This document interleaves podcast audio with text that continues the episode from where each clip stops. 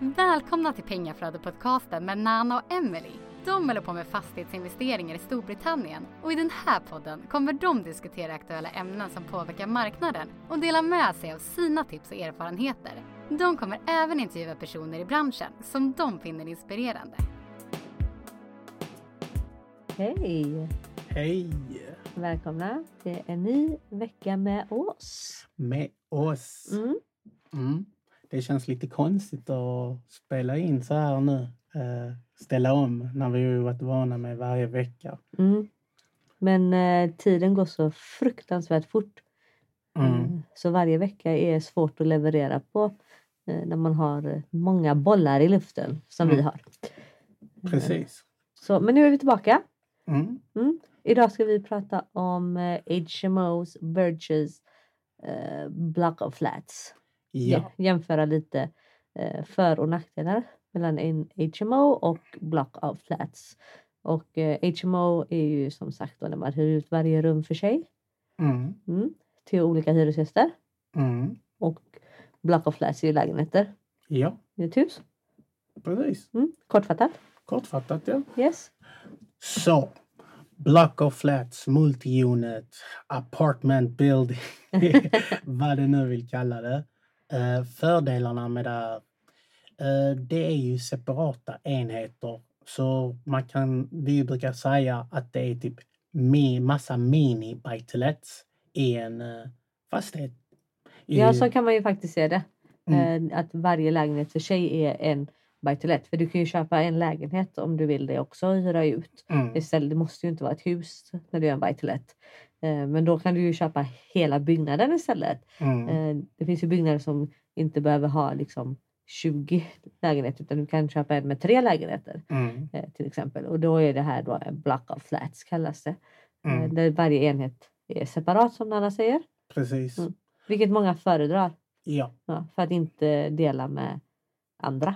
Ja, Mm. vi i Sverige föredrar ju det eh, Specifikt ja. specifikt. Mm. Så vi blir oftast förbryllade när man hör eh, om HMO, alltså i Storbritannien och sånt. För vi är inte vana med att man delar kök och badrum.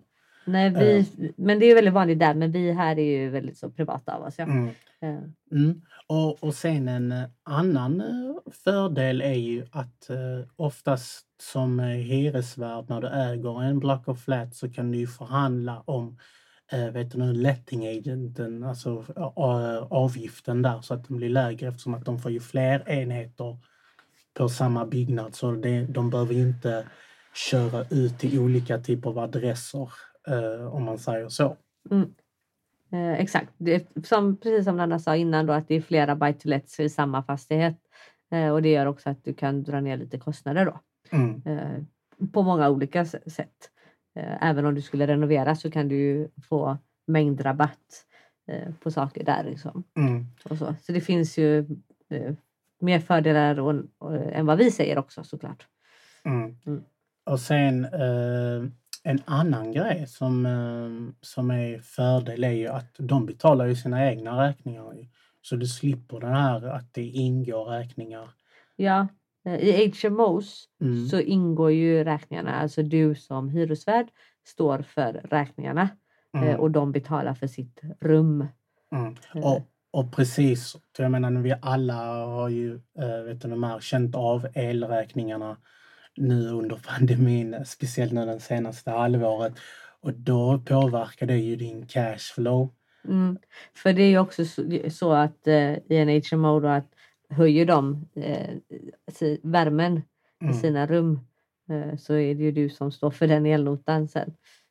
Mm. Eh, då. Medan på, eh, i en lägenhet då, i en sån här byggnad så är ju det som en buy to let och de står för sina egna räkningar. Precis. Eh, Så höjer de sin, sin, sin värme så står de för det själva liksom. Mm. Ingenting du känner av. Mm. Mm. Och, och sen så är det ju, eh, eh, du kan ju title-splitta den ju. Eh, Mm. Du köper hela då och så, så stickar av den till flera, eh, upp till sex lägenheter per eh, bolag då.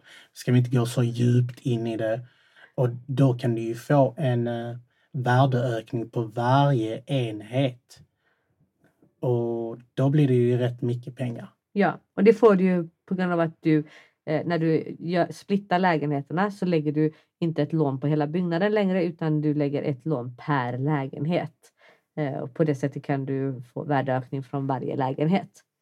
Eh, då, när du Mm. gör omfinansiering sen. Ja. Eh, så det är också lite roliga fördelar Mm. eh, med det. Eh, det kan du ju inte göra i HMO Mm. såklart. Och sen så kan du ju göra, vet du nu, du kan ju göra en mini-HMO i de här lägena beroende på hur stor. Exakt. Så till exempel i en lägenhet, eh, fastighet med tre lägenheter eh, och vi säger att det här är då eh, two beds, vilket är svensk trea. Eh, då kan ju du ha två hyresgäster i varje lägenhet. Istället för att ha en i varje lägenhet så gör du minimos av det som de säger. Så vi säger att två kompisar hyr varsitt rum i en lägenhet. Eh, vilket gör att du får dubbla inkomster på varje lägenhet. Mm. Och det är en liten eh. Ja, och det är en rolig grej som man kan göra. Mm. Eh, så man kan göra mer med en block of flats egentligen. Eh, Mm.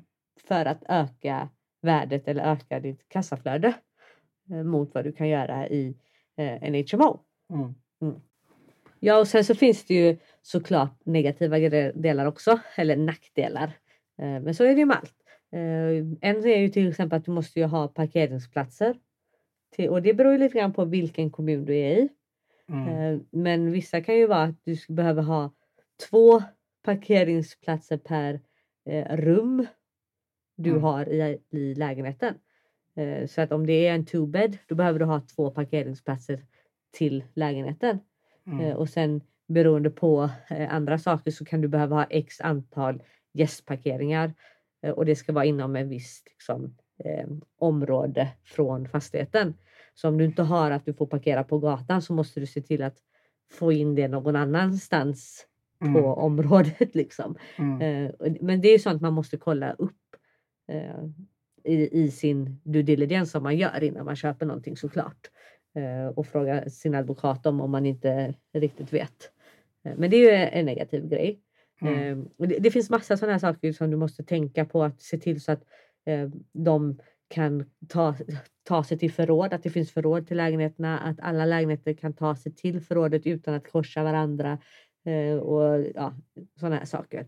Detaljgrejer som är lite mer krångliga än vad en vanlig HMO är. Mm. Så det är en större typ av affär Ja, eh, och det kräver lite mer kunskap precis. och lite djupare eh, due diligence och, och så. Mm. Mm. Och HMO, fördelarna. Ja, om du har eh, till exempel en HMO eh, eller du har en fastighet rättare sagt som du kan göra antingen till en HMO eller till lägenheter. Eh, Där kommer du in på de här grejerna som är viktigt att veta då där det krävs djupare kunskap för att liksom värdera vilket är vad ska jag göra av det här, vad blir bäst? Eh, Och eh, Eh, i många fall så får du ju ut fler rum av en fastighet om du gör det till HMO eftersom du inte behöver ha liksom en trappuppgång och sådana här saker.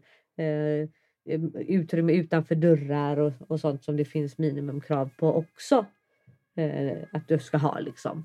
Eh, så då kanske du får ut fler rum. Sen har du minimumkrav på hur stora rummen ska vara i en HMO och beroende på hur stor den är så behöver du ha kommunala eh, alltså vardagsrum och kök och sånt som ska vara en viss storlek också beroende på hur många rum du ska sätta in och sådär. Så det, det finns ju lite sådana saker som du måste titta på för att värdera om du, vad du ska göra med den. Eh, sen så är det ju alltid så att eh, är det en riktigt stor, stor byggnad så måste du tänka på framtiden också. Mm. Eh, och eh, då kanske det är bättre att göra lägenheter. Mm. Men igen då lägenhet, att göra om en fastighet till lägenheter är dyrare än att göra om den till en HMO. Så för och nackdelar med allting och man måste liksom kolla in eh, alltså djup, på djupet. Mm. Och sen så en bra, eh, vet inte, som man kan inrikta sig mot en klientell, det är ju studenter. Och där kan du få en massa avdrag bara för att du har studenter. Eh, Så det är ju bra om man jämfört med eh, Block of Flats då. Och social housing, många, vet du nu, sådana här eh, operators brukar tycka om att ta HMOs. Ja, eh, social housing eh, företag om man säger så eh, tar på sig HMOs och så sätter de hyresgäst, sina hyresgäster liksom, Mm. eh, som går på bidrag kan man väl säga Mm. i varje rum. Eh, Ja. Det är väldigt många som håller på med det nu och det är väldigt bra avkastning Mm. eh, på eh, de pengarna du har satt in i en HMO. Och du behöver inte ha jättebra standard. Nej. En annan fördel med studenter är ju oftast att de betalar ju för hela terminen och du kan även liksom få så att det är ofta att de vill bo med sina kompisar. Så du har inte det bekymret att, att folk bråkar med varandra och sådana där saker heller. Och inga voids. Mm. Det blir inte tomt under året för att de bor ju där hela terminen. Liksom. Eh, Det som kan vara lite nackdel med studenter är väl att de eh, kanske sliter och inte tar hand om det så lika bra som eh, lite äldre Mm. människor. Mm. Möjligtvis. Det finns de som är äldre och inte gör det också. i och för sig. Ja, ja. Men ja, man brukar väl säga så. Och sen, sen kommer vi till nackdelarna ju. Eh, om rumshyrorna går ner så kan man få en lägre värdering på sin fastighet. Om du har en kommersiell värdering vill säga. Eh, Mm. Och det är ju oftast det man vill ha när man gör HMOs för att då får man ju en väldigt hög värdering jämfört med om du tar en eh, bricks and mortar som de kallar det. Ja, i Mm. många fall får du det. Eh, men vill man vara lite mer säker Mm. så ska man ju inte använda en kommersiell värdering precis som Nanna sa. För att går rumshyrorna ner så går även din värdering ner och ska du går din låneprodukt ut under den perioden så kan du bli betalningsskyldig. Mhm. Eh, Så det är lite sådana saker att tänka på. Är det, är det. Men då får man ju prata med sin broker och se vad som är bäst i varje enskilda fall. Liksom. Mm. Eh, Men det är någonting att ha med sig. Mm. Mm. Och sen så som vi sa då som är en risk i eh, HMO det är ju att man har hyresgäster som inte går ihop med varandra. Nej. Mm. Eh, där vi, vi har ju en kompis som har en HMO där eh, nu där var ju av med den hyresgästen som ställde till bekymmer till slut. Men eh, det var ju en hyresgäst som bråkade med alla Ja. i hela fastigheten liksom. Eh, och han vägrade lämna. Mm. Så han fick ju ta laglig väg då för att få ut hyresgästen. Och det har ju inte varit roligt för de andra som har bott där. Som tur är i detta fallet så har de ingen av dem flyttat därifrån. Men det kan ju hända i annat fall att de som faktiskt inte är problemhyresgästen är de som flyttar för att de inte orkar med den som är problemet. Liksom. Mm. Eh, Så, och ju större HMO man gör ju större risk för att det finns någon som inte går ihop Mm. med de andra. Mm. Och det brukar oftast vara betydligt kortare kontrakt på HMOs gentemot en vanlig eh, vet du, buy to let. Det brukar oftast vara sex månader och så, så brukar man förlänga. Mm. Och det är det man brukar räkna en turnover på. Sex månader. Har man en hyresgäst som stannar längre så är det ju bonus. Och då, det är också så att eftersom du omsätter hyresgäster snabbare än HMO om man säger så, så får du ju också maintenance. Alltså du måste ju Mm. eh, måla väggarna lite oftare och lite sådana saker som Mm. kommer emellan hyresgäster. Mm. Eh, att du får fixa till lite liksom. Mm. Eh, Så det är någonting att ha med sig och tänka på också. Eh, oftast då som Nanna säger så är det ju kanske människor som är i en övergångsperiod som bor i HMOs eller av en anledning bor i HMOs kan man väl säga. Eh. Medan du kanske kan få lite mer långvariga hyresgäster om du har eh, eh, block of flats beroende på hur stora lägenheterna är såklart. Mm. Och de säger, vilket vi har sagt, jag måste bara påpeka det. Eh, För det här sa jag för eh, länge sedan när de sa att alla flyr städerna. Lägenheter går inte bra, alla vill ut på landet. Mm. Så sa jag människan är dum, vi kommer tillbaka igen. Så är det. Mm. Och nu ser de att folk vill tillbaka till städerna Så är det. Mm. och efterfrågan på lägenheter har ökat. Japp, de har ökat mest faktiskt eh, detta året. Eller Mm. förra året. Så där, där har vi det. Där hade du rätt. Sen har vi, Jag som, älskar att ha rätt. Känns så bra. sen har vi det här med räkningar som jag nämnde innan. Jag menar bredbanden har också gått upp i Storbritannien också så det är massa kostnader som har gått upp. Mm. Eh, och sen så kan du ju, om du har riktigt otur, det har vi glömt nämna, så kan du få council tax Per rum. per rum och då är du ju typ körd. Då är du körd ja. Och det är någonting som är väldigt viktigt att kolla upp. För det är olika i varje kommun vad de räknar council tax på en HMO. Så det är Mm. jätteviktigt att ni kollar upp hur den beräknas i den kommunen ni har tänkt att göra en HMO.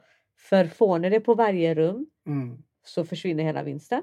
Japp. Och i vissa, på vissa ställen så har de inte per rum. På vissa måste du ha kök eller liksom pantry och Mm. toalett Mm. eh, på rummet för att Mm. det ska klassas som en egen council tax. Eh, ibland är det bara toalett så klassas det som det. Och sen så har vi hört i, att det är sådana som har råkat ut att de har försökt sätta council tax på grund av att de har lås på dörren. Mm. Olika lås på varje dörr. Mm. Och det är förståeligt att du vill ha lås på din dörr om du delar med sex andra eller fem andra eller vad det är. Absolut, men eh, då kan de eh, i vissa fall då säga att då ska du ha, betala council tax per rum för det är en egen enhet. Mm.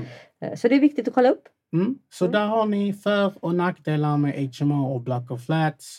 Vi, vi är ju själva i HMO och vi vill göra Block of Flats. Så jag menar, vi, vi, vi, vi gör båda strategierna.